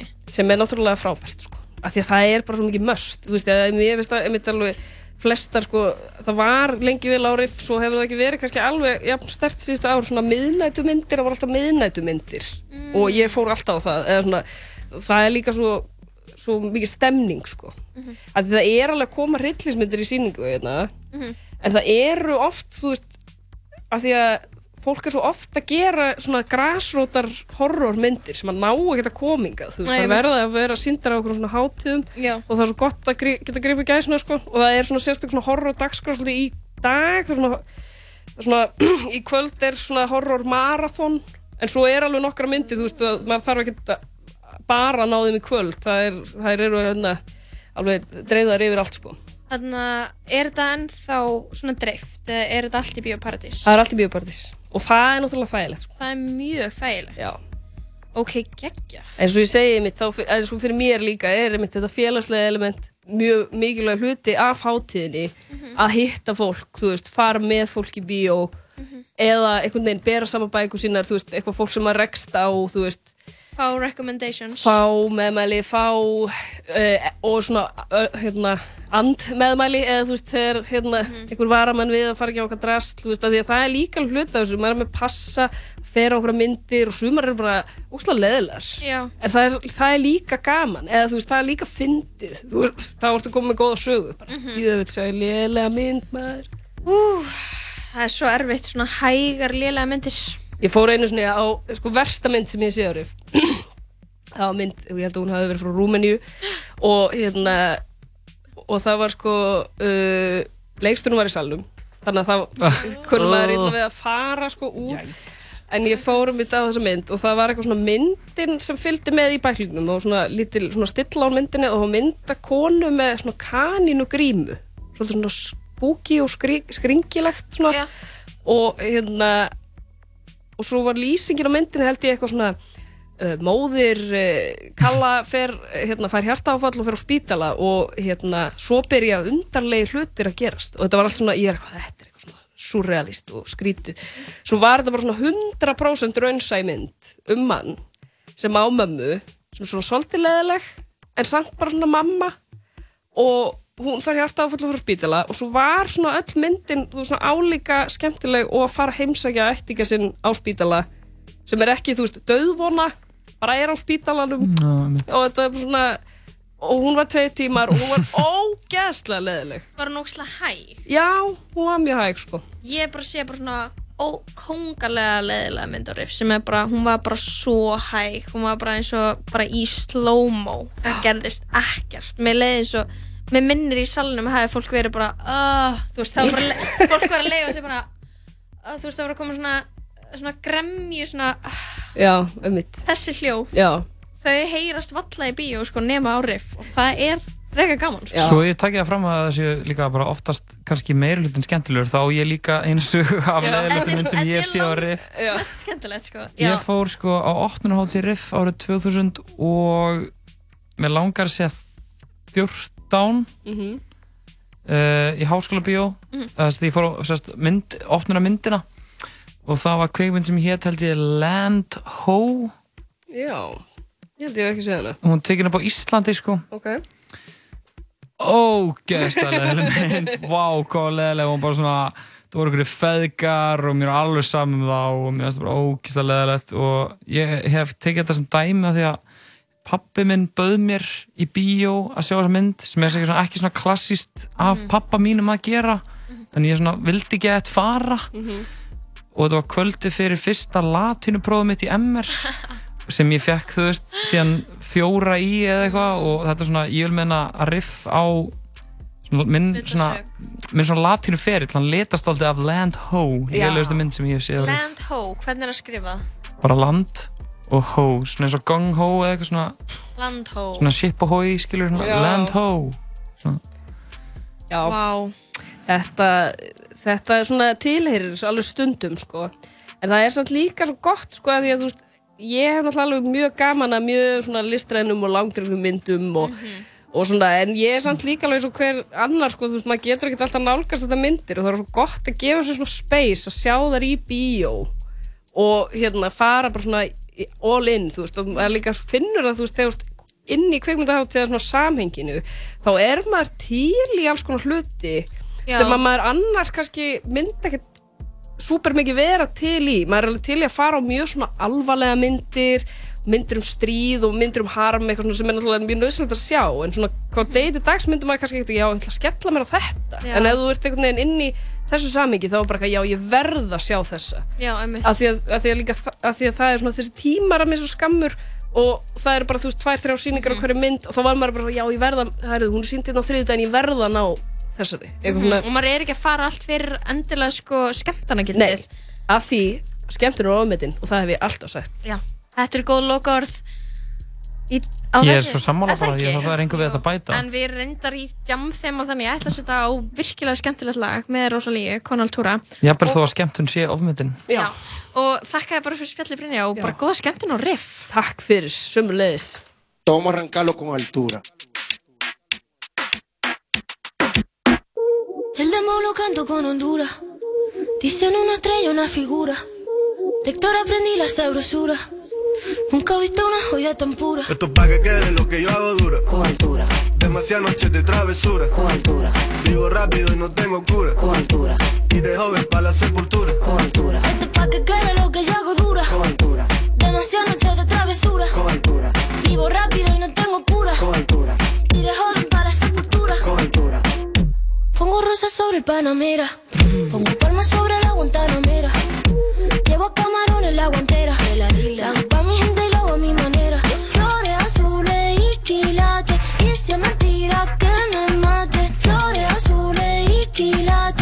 si es mentira que me mate. Con altura. Con altura. Esto es pa' que quede lo que yo hago dura. Con altura. Demasiadas noches de travesura. Con altura. Vivo rápido y no tengo cura. Con altura. Iré joven para la sepultura. Con altura. Esto es pa' que quede lo que yo hago dura. Con altura. Demasiadas noches de travesura. Con altura. Vivo rápido y no tengo cura. Con altura. Y de joven para la sepultura. Con altura. Acá en la altura están fuertes los vientos. Ponte el cinturón y coge asiento. A tu beba y al ave por dentro. Yes. El dinero nunca pierde tiempo. Contra la pared. Tú no si le tuve que comprar un trago porque la tenías con sed. Desde acá, qué rico se ve. No sé de qué, pero rompe el bajo otra vez. Mira. Flores azules y quilates. Rosalía. Y si es mentira que me mate. Flores azules y quilates. Y si es mentira que me mate. Con altura. Con altura. Esto es pa' que quede lo que yo hago dura. Con altura. Demasiadas noches de travesura. Con altura. Vivo rápido y no tengo cura. Con altura. Iré joven para la sepultura. Con altura. Esto es pa' que quede lo que yo hago dura. Siempre dura, dura. Demasiado noches de travesura. Con altura. Vivo rápido y no tengo cura. Con altura. Ajá. Y de joven para la sepultura. Con altura. De Rosalía. Vamos, vamos, va- va- vamos a esperar. Vamos a para que no. Vamos, vamos a para que no vamos, vamos, vamos, vamos a esperar. Vamos a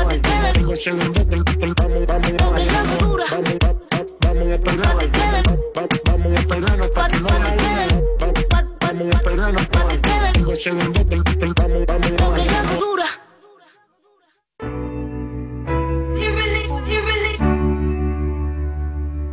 You.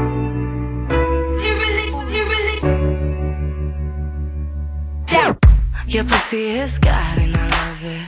Gonna kiss me real hard, make me want it. I think star signs mean nothing, but I know you feel right, so I'm coming. Gets hard when you're getting up, knocked down from some other love, but their best wasn't good enough, and you're number one to me. You're extra special,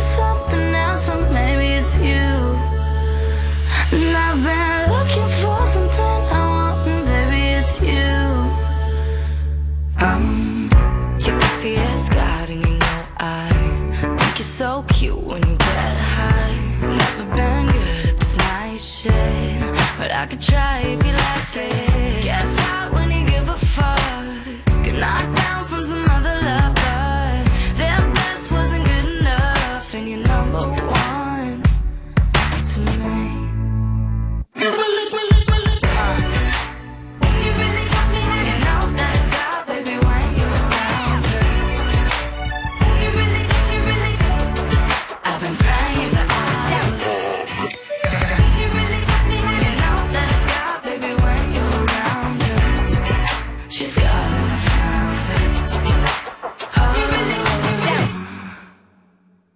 Your pussy has got enough falling. We're on the same wave when we're talking.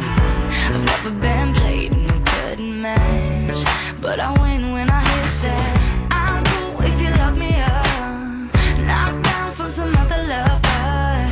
Their best wasn't good enough, and you're better off with me. You're extra special. I've been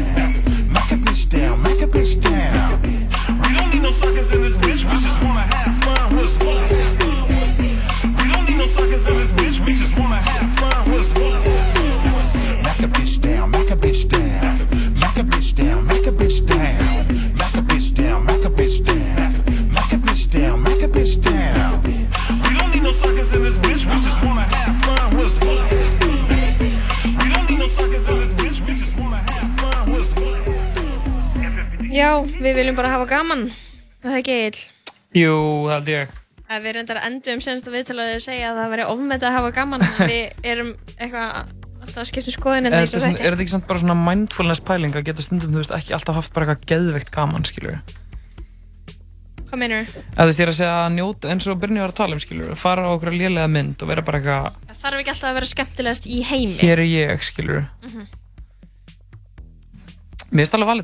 Hvað ertu búin að vera að gera senst að hóltíman eitt? Ég er búin að vera að kempa hennar gamla Twitter mitt Þú erum komið stæði hvort þú hefur veginn sagt eitthvað problematic. Já, ég er held ég frekar góður sko. Þú ert bara góður og hefur engar á að gera þessu.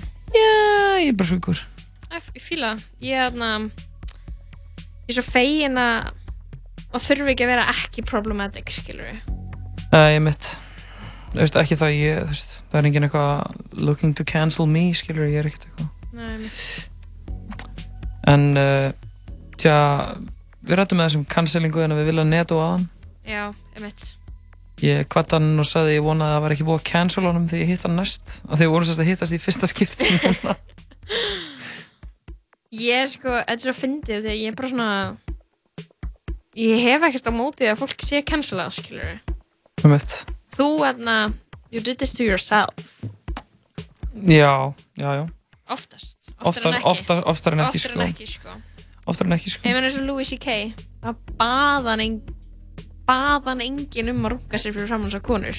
Nei, nei, nei, enginn baðan um það, sko. Það vildi, eng, það vildi enginn sjá það sko. En þú veist, manni finnst kannski, þú veist Þetta er alltaf leðalast umræða í heimi. Ég veit En, það, veist- það á ekki alltaf að vera gaman eil En þú veist, þetta er svona, manni finnst kannski stundum svona smá eitthvað svona eins og sögunni sem ég sagði henni off er um gaurinn sem var að safna pening í bandarækjunum Tölum aðeins um það.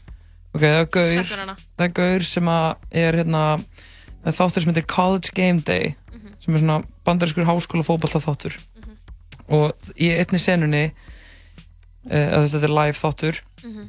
það eru áorendur, svona eins og þegar Good Morning America er tekið upp á Times Square eða eitthvað skilur Ok, ok, svona úti sjónvarsett ok, ok. Og hann- af, af svona college fútbol Já, þú veist, þetta er umfjöll, umfjöllun um, um háskóla hérna, en um svona amerískan fótbolta. Ok, ok sem er huge og hann hérna, er hann í krátinu með skilti sem er hérna hvort að einhver geti veist, donatað til að hann geti kipt sér bjór. Ok. Og hann verður svona grín hetja Mhm. á internetinu. Eitthvað Venmo me beer. Já, svona, give me beer eða eitthvað svona, Já. eitthvað svona og setja eitthvað svona Venmo-númer eða eitthvað. Já.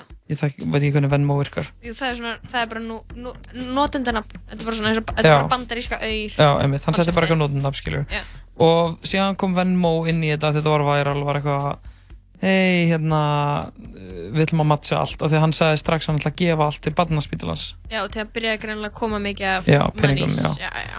Og ég man ekki hvað hann safnaði miklu. Þú veist, þau erum að tala um eitthvað 2000 bandaríkjadólar Og hérna 2000, hann var, ég held að hann að vera stjórn konum fyrir miljón á sínum tíma.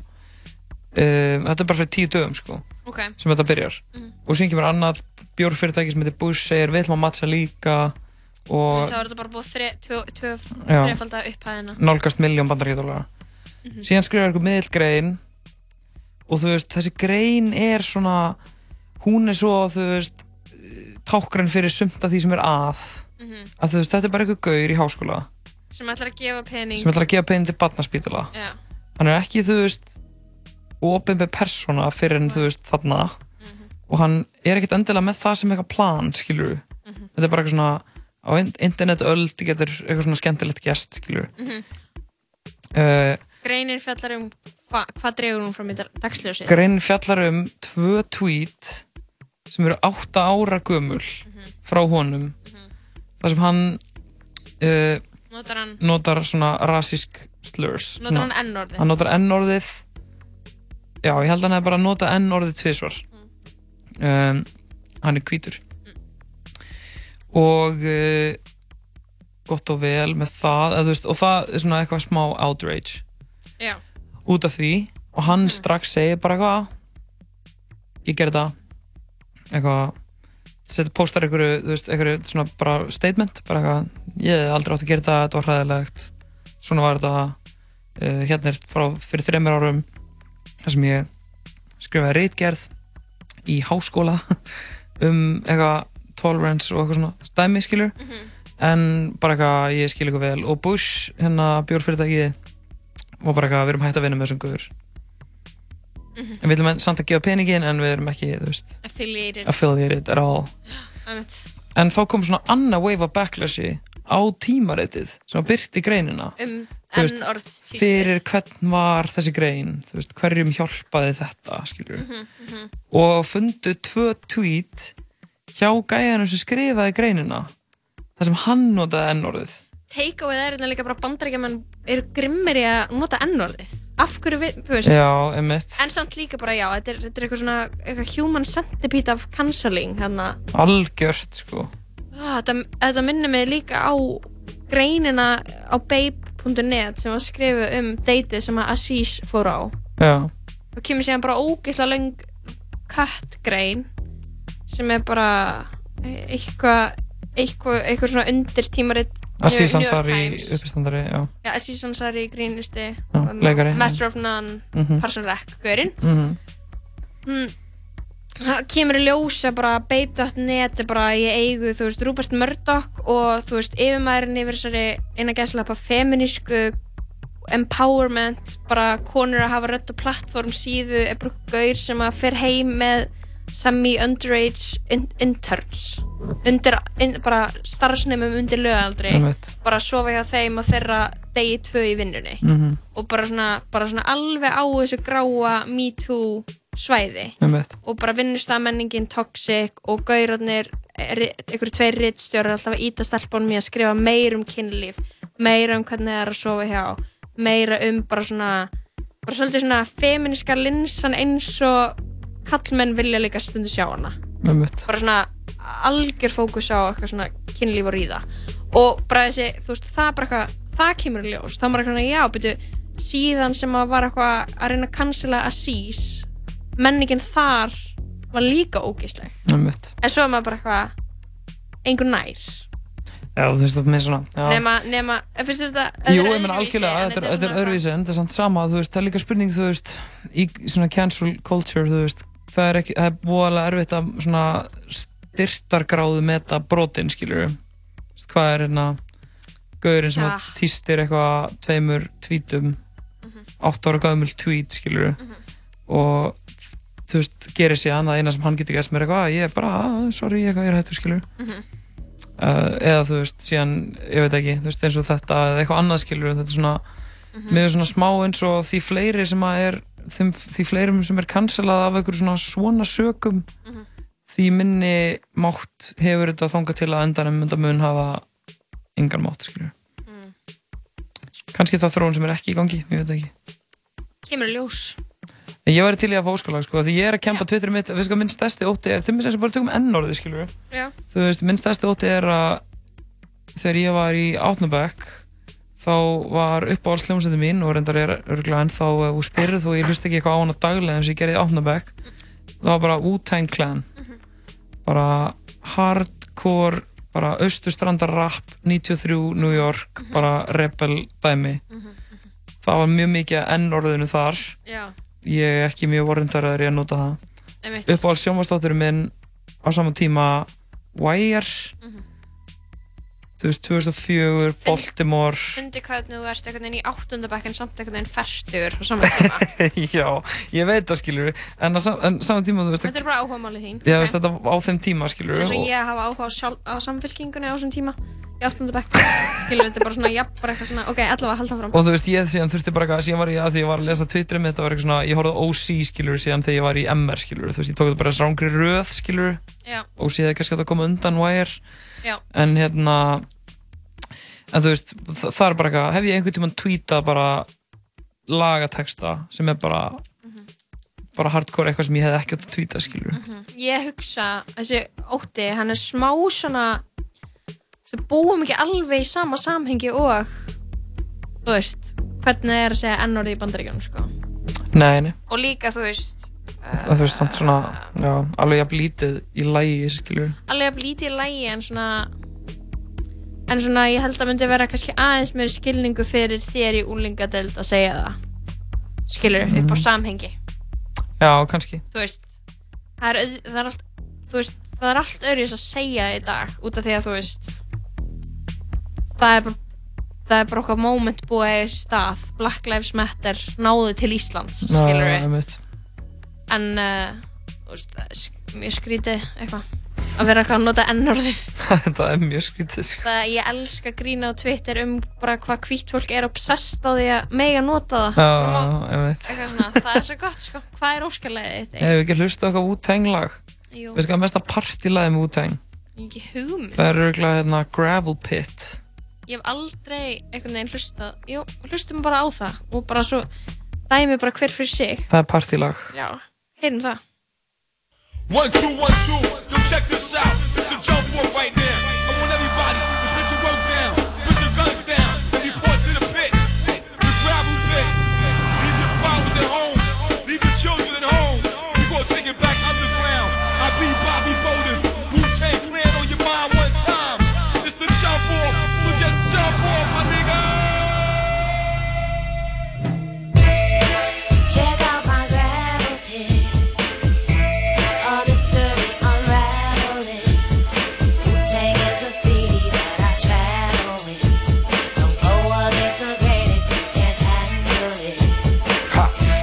From the land of the lost. Behold the pale horse, or. Follow me, Wu Tang gotta be the best things since starts and Clark Wallabies. African killer bees, black watch. On your radio, blowing out your watch. From Park Hill, the house on Haunted Hill. Every time you walk by, your back hit a chill. Let's build, want to talk about skill. I spit like a semi-automatic to the grill. Elbow grease and elbow room. Baby, play me, baby, fall down, go boom. Party people gather round, countdown to apocalypse. I'm the kid with the golden arms. And I'm the motherfucking hot nicks. Pass the blunt. My nigga, don't front. You had it for a minute, but it seemed like a month. Now I'm choking, smoking, hoping I don't croaking from overdosing. Dosing. Hey kid, when the Mac got you open, oh, let's ride. Can't stand niggas that floss too much. Can't stand Bentleys, they cost too much. Kid wanna get up, then can't get touched. Kid wanna stick up, then can't get stuck. I'm the one that calls you bluff when your boy try to act tough. Remember what old Dirty said? I'll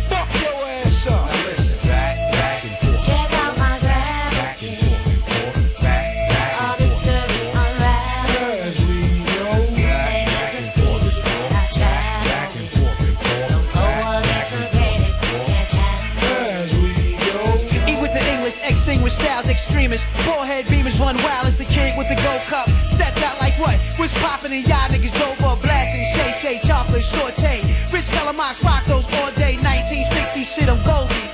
That's right, motherfucker, don't hold me. The world's greatest, Las Vegas paid rock. Skin painted on my face, look ageless. Perfect combos, those bang out condos. Jet from Homo, X,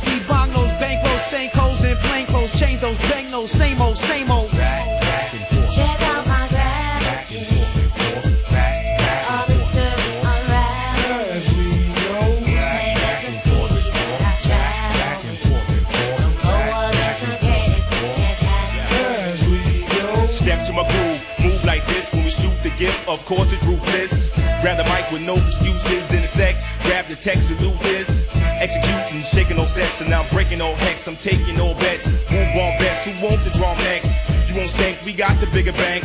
Bigger shank to fill your tank. Still the same kill for real. Volume crank, slide, do or die. Fry the bake, admire the grades. On fire with a heart of hate. Bitter shark, every part I take. Heavy darts to quake. It's K, all fakes. Get caught by the drop kicks. You know the drill, yes, it's Park Hill. Yo, we hit 'em with the hot grits. On the go, check the flow. Singing don't rock shit. Stop quick, hold the gossip. Stop sweating my pockets. I hear the hot shit. Check out my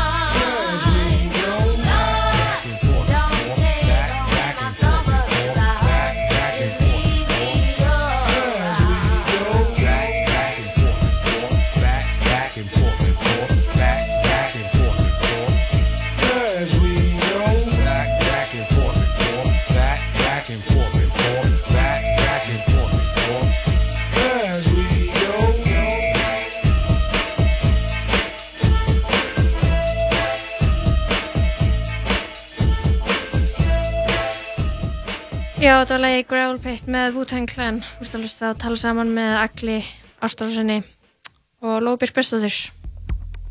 Geil, hvernig hefur það? Veistu þessum hvað lag, mér langar að fá aftur á internetið? Hvað er lag? Mér langar að fá aftur á internetið lag sem að Hvað meinar það aftur á interneti? Þú ég, ég finn það ekki og Meinar það bara hafi eins og verið hægt að hlusta og það er ekkert að hlusta það aftur? uh, já, ég meina nákvæmlega það og ég meina það að uh, ég er eiginlega raun að vonast til þess að einn af þeim sem að geta laga þetta Ok. setja aftur inn af því að það er föstaður og ég var ekki að til að hlusta á Kicks núna Hvað er Kicks?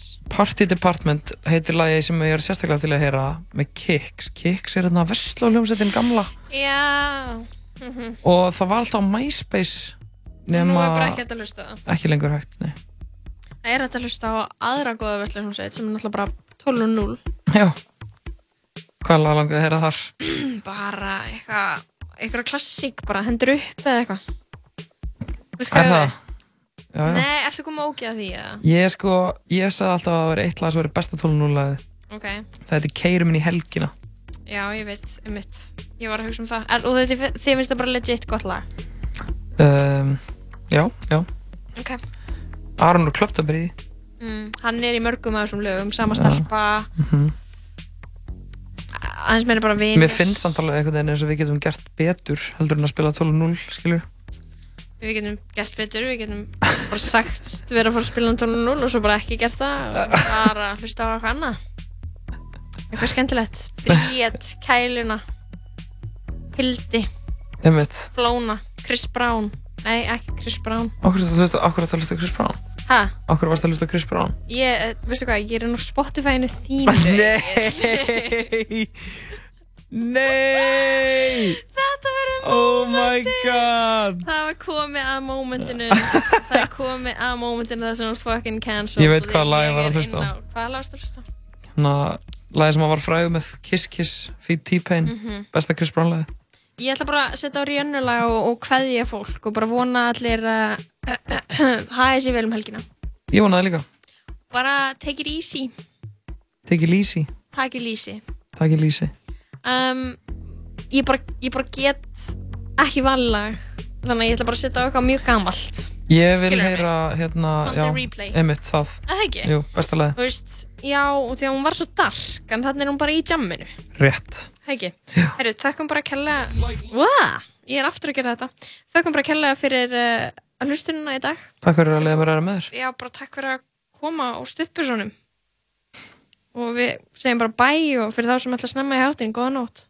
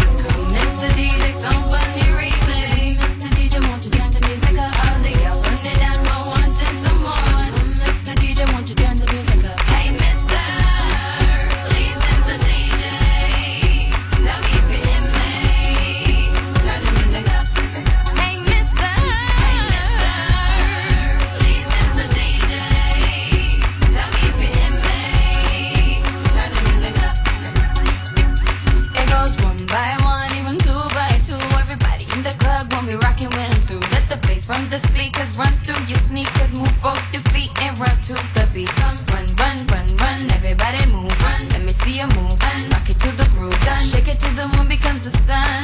Everybody in the club, give me a run, run. If you ready to move, say yeah. One time for your mind.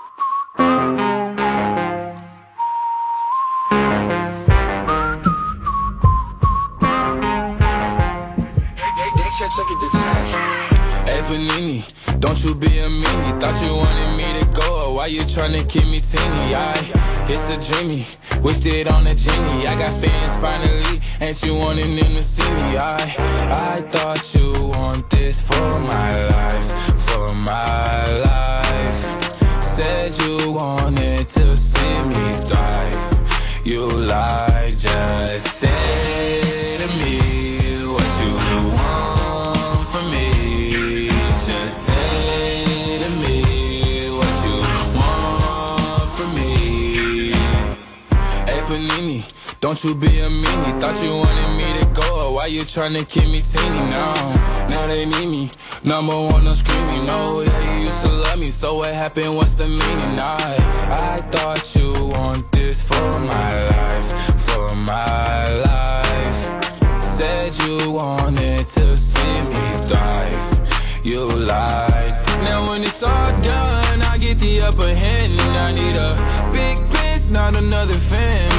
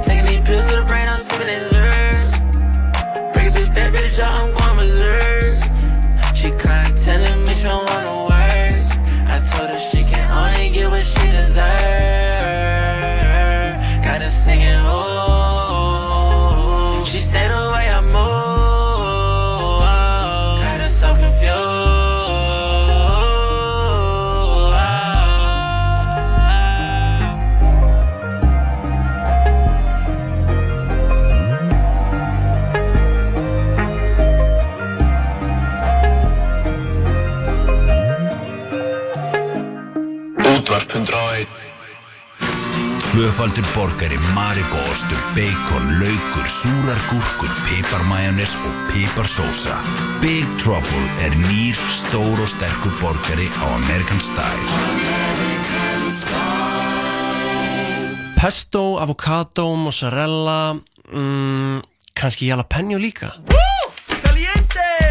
Joe and the Juice, kaffi, djús og svo miklu meira. Látum bílakaupin smetla. Ergo býður fjölbreytta möguleika í bílafjármögnun. Kynntuður kostina á ergo.is. Við fjármögnum það sem upp á vantar. Ergo. Riff, alþjóðleg kvikmyndaháttíð í Reykjavík. Fjölbreytt